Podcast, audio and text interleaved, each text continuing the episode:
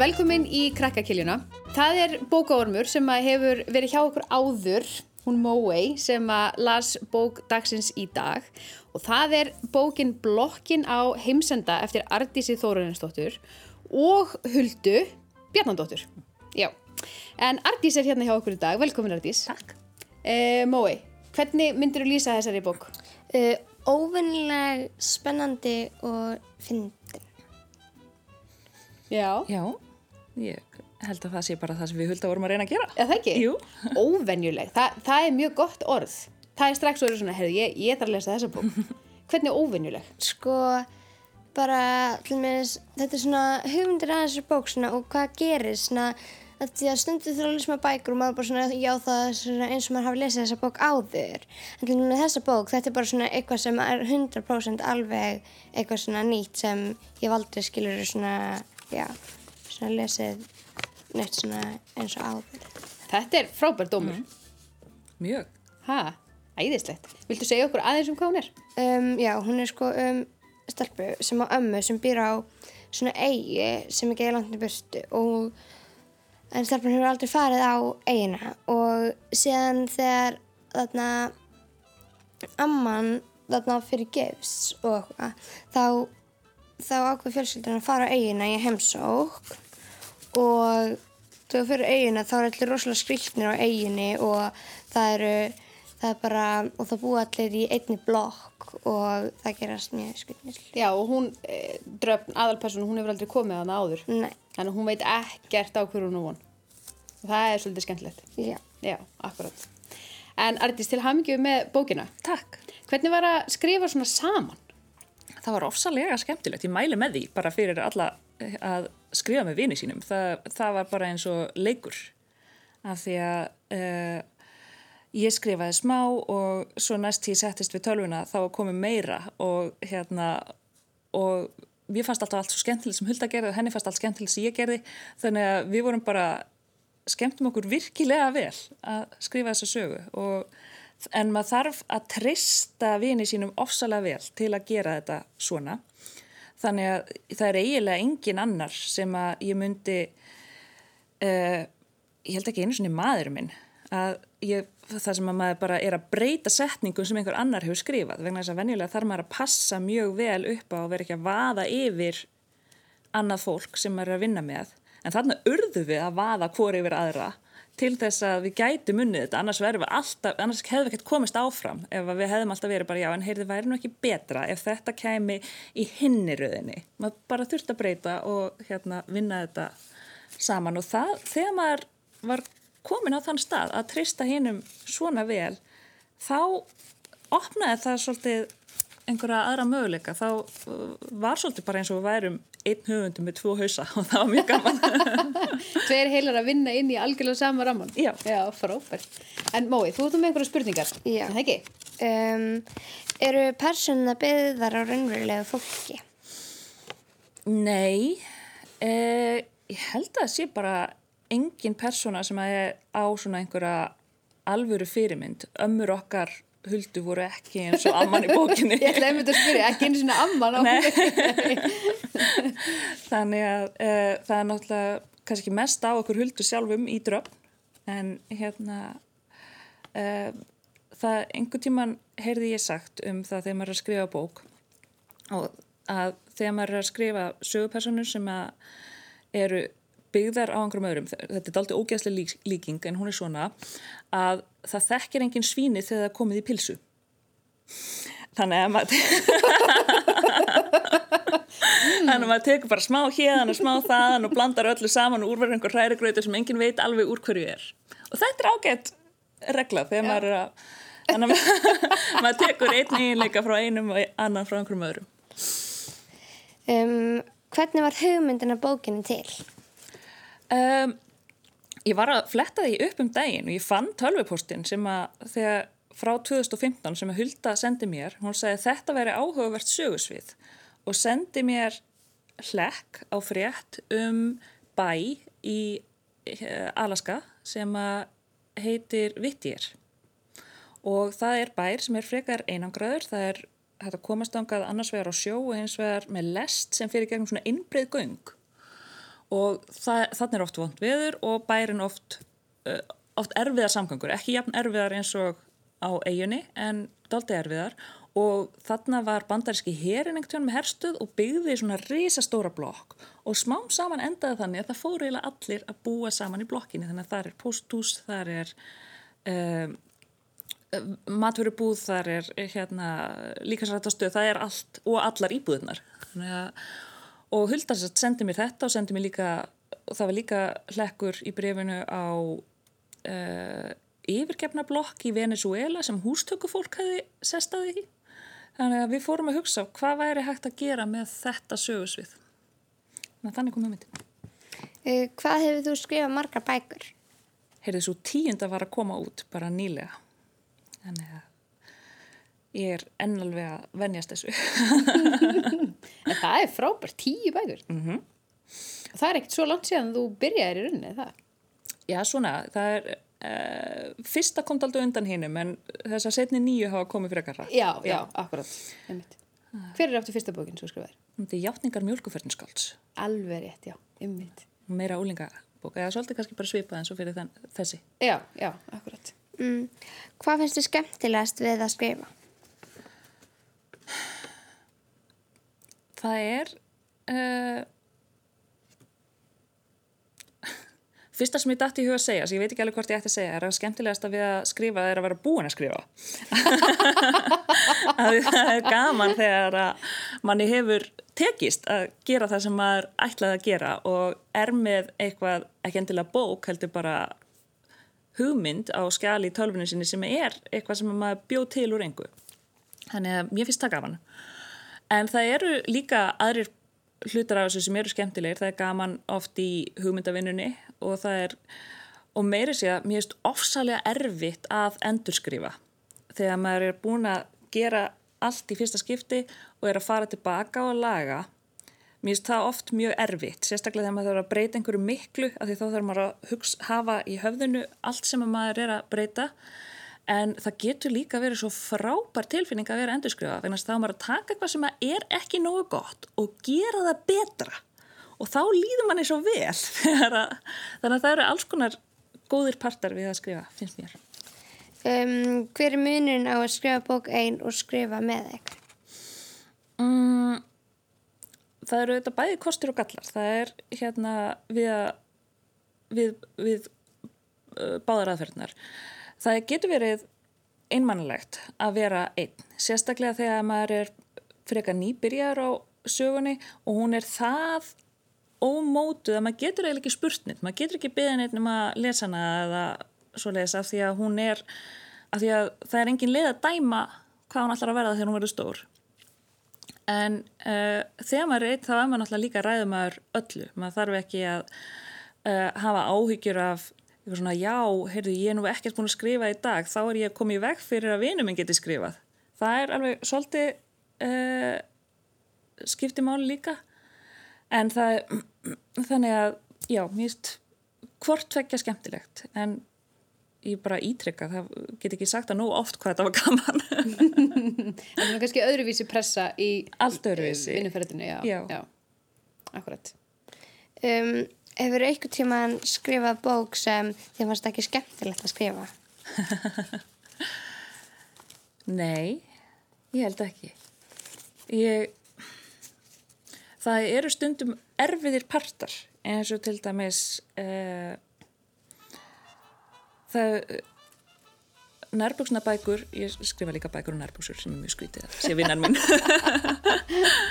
og ég er nýbúin með nummið þrjú, hún er ekki komin út og það var ofsalega erfitt að skrifa þær báðar. Ég var einhvern veginn lengi að því og lengi, það sem fór mestu tímin í var að skrifa þær ekki að því ég var alveg rosa mikið ekki að skrifa nærbúksnabækunar en svo þegar er komu þá einhvern veginn þá, þá var það gaman þá, og þá var uh, og það getur líka að það verður allt öðruvísi svona uh, þegar maður er orðin allt og setna skila og þetta við gengir rosa illa þá fær maður kannski að gera eitthvað þá kemur eitthvað sem maður átti ekki vona á þegar maður reyna að flýta sér og, og það getur verið skemmtilegt, það er gaman þegar maður kemur sjálfum sér á óvart smér Já, ég er búin með spilning. Mm -hmm.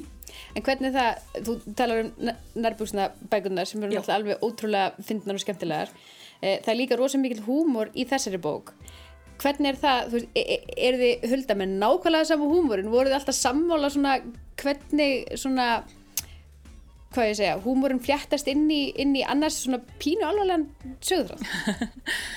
Uh, já, við vorum það. Það var hérna uh, stundum, ég held að húmórun hefði aldrei verið vandamál. Stundum var, það var frekar að við hérna værum að benda hver annari á eitthvað með þráðin, eitthvað svona, heyrðu, ég held við getum ekki gert þetta svona, við verðum að segja þetta á undan. Og já, ertu viss um það?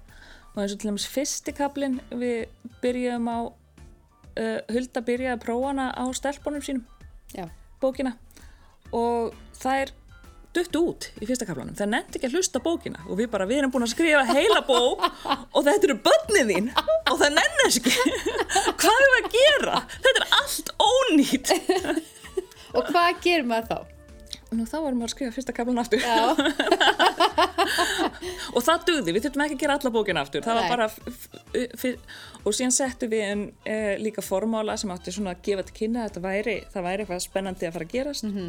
þannig að við vorum svona að reyna að hérna, tósa upphafið aðeins hérna upp úr þessum pittis eða lendi í þarna þegar að dæturna lendi ekki að hlusta það er ákveðin skellur. það var það, Já, það, var ég- það. ég ég, held að þetta væri ónýtt það myndi aldrei klárast bókin En hérna, Mói, ef við lýsum kannski aðeins hvernig er lífið í þessari blokk? Sko, það er svona allt mjög svona skringilegt, þú veist, það er til dæmis ekki þarna rægumagt, þannig að þú veist, að til þess að hver og einn getur svona borgað upp í raunin rægumags skamta sem það notaði þá þarf það til dæmis að vera á hlaupatæki á líkasöldsstöðinni og, og róla ákveði mikið í þrýminútunum og það er allt svona rosalega skrítið og það er svona hver og einn svona á sér sér starf í blokkinni og já, Akkurat.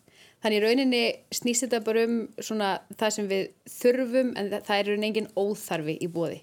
nei, alls ekki Þannig að þetta er kannski ádela á neysluhyggjuna í dag.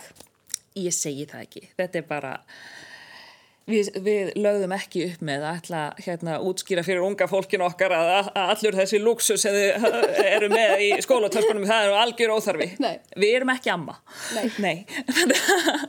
Að okkur langaði bara til að prófa hvað gerist þegar maður tekur þegar maður er með venjulegan krakka og maður breytir heiminum hans ofsalega mikið okkur langaði til að sjá hvernig það myndi uh, vera af því að eins og eiginlega allir sem eru á aldru fóreldra krakka í dag þá var allt öðruvísi fyrir okkur að vera krakkar heldur er fyrir börnin okkar að vera krakkar.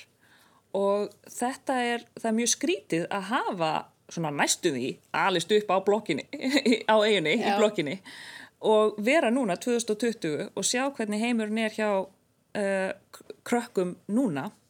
Þannig að það er eitthvað sem að við hulda kannski erum alltaf svolítið að hugsa um hvað er skríti, hvað heimurinn hefur breyst á miklum tíma þannig að á stuttum tíma þannig að okkur langaði til að taka nútíma krakka og kipa honum svolítið aftur í tíman án þess að vera með eiginlegt tímaflakk Hugsaði þú, vá hvað ég er heppin að vera með síman og spjaldtölvuna Sko- og sjónvarpið og netið og allt þetta. Sko, eiginlega ekki því að ég las hana eiginlega mest þegar ég var sko í útilegu þannig að ég var eiginlega ekki í Ah. símanum og þú veist marga vingunum mér hringdum og ég tók henni svona ekki eftir því að því símanum var bara inn í bílinum Já.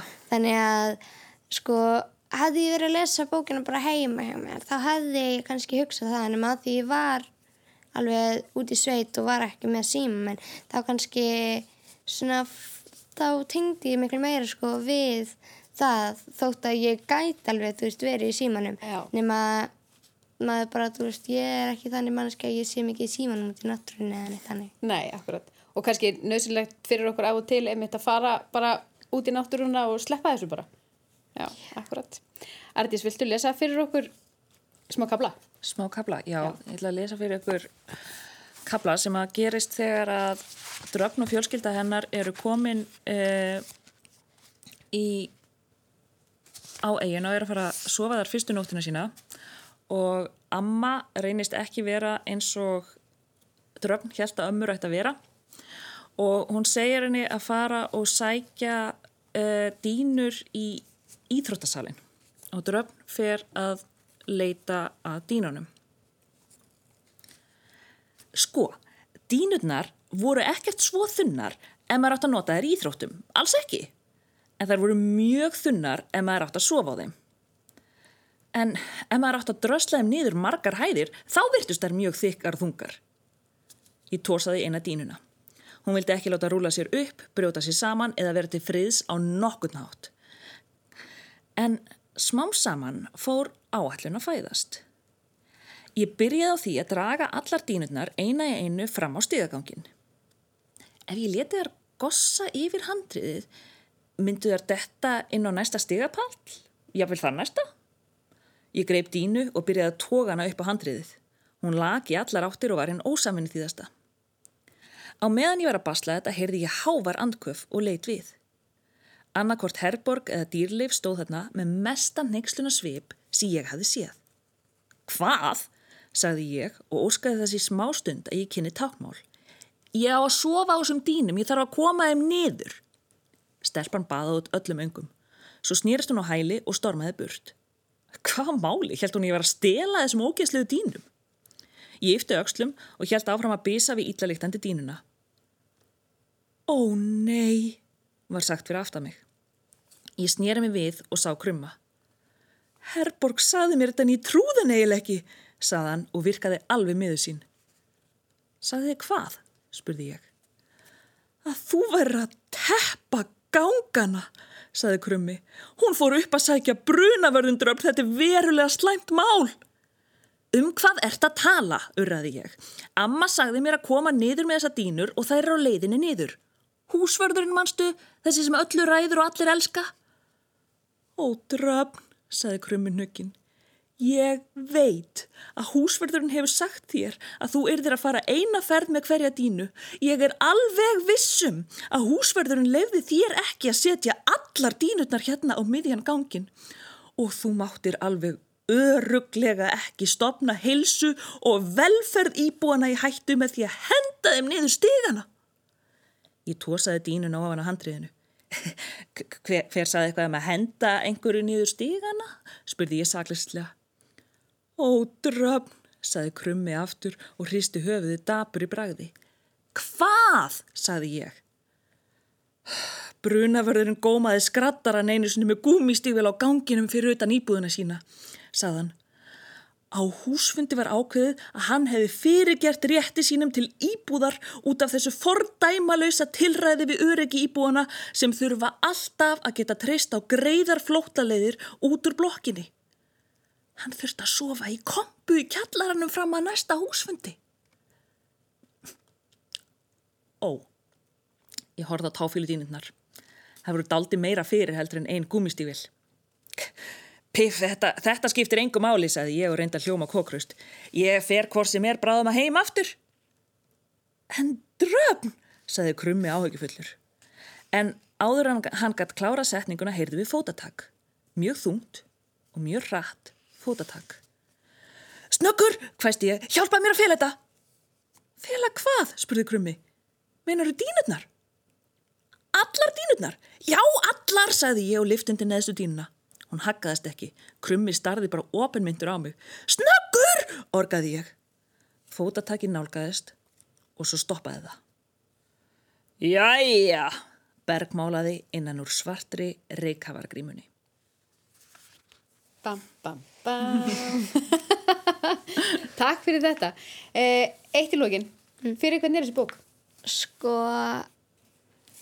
ég svona, ég veit ég, sko, mér fannst hún alltaf rosalega skemmtileg, en sko það bara svona fer eftir því að sem finnst kannski ekki rosalega gaman að lesa bók sem gerist kannski á, bara alveg á sama staðinu meil alltaf og sem finnst kannski skemmtilegt að lesa bók sem er svona, þú veist, svona óvinnilega og þannig, þannig ég myndi, ég veit ekki svona, veit ekki svona alveg hvað ég ætti að segja. Allir þeir sem eru til í óvinnulega spennandi sögu. Já, Já, sem er líka fyndin. Já. Eh, en aldur? Er þetta bara fyrir allan aldur?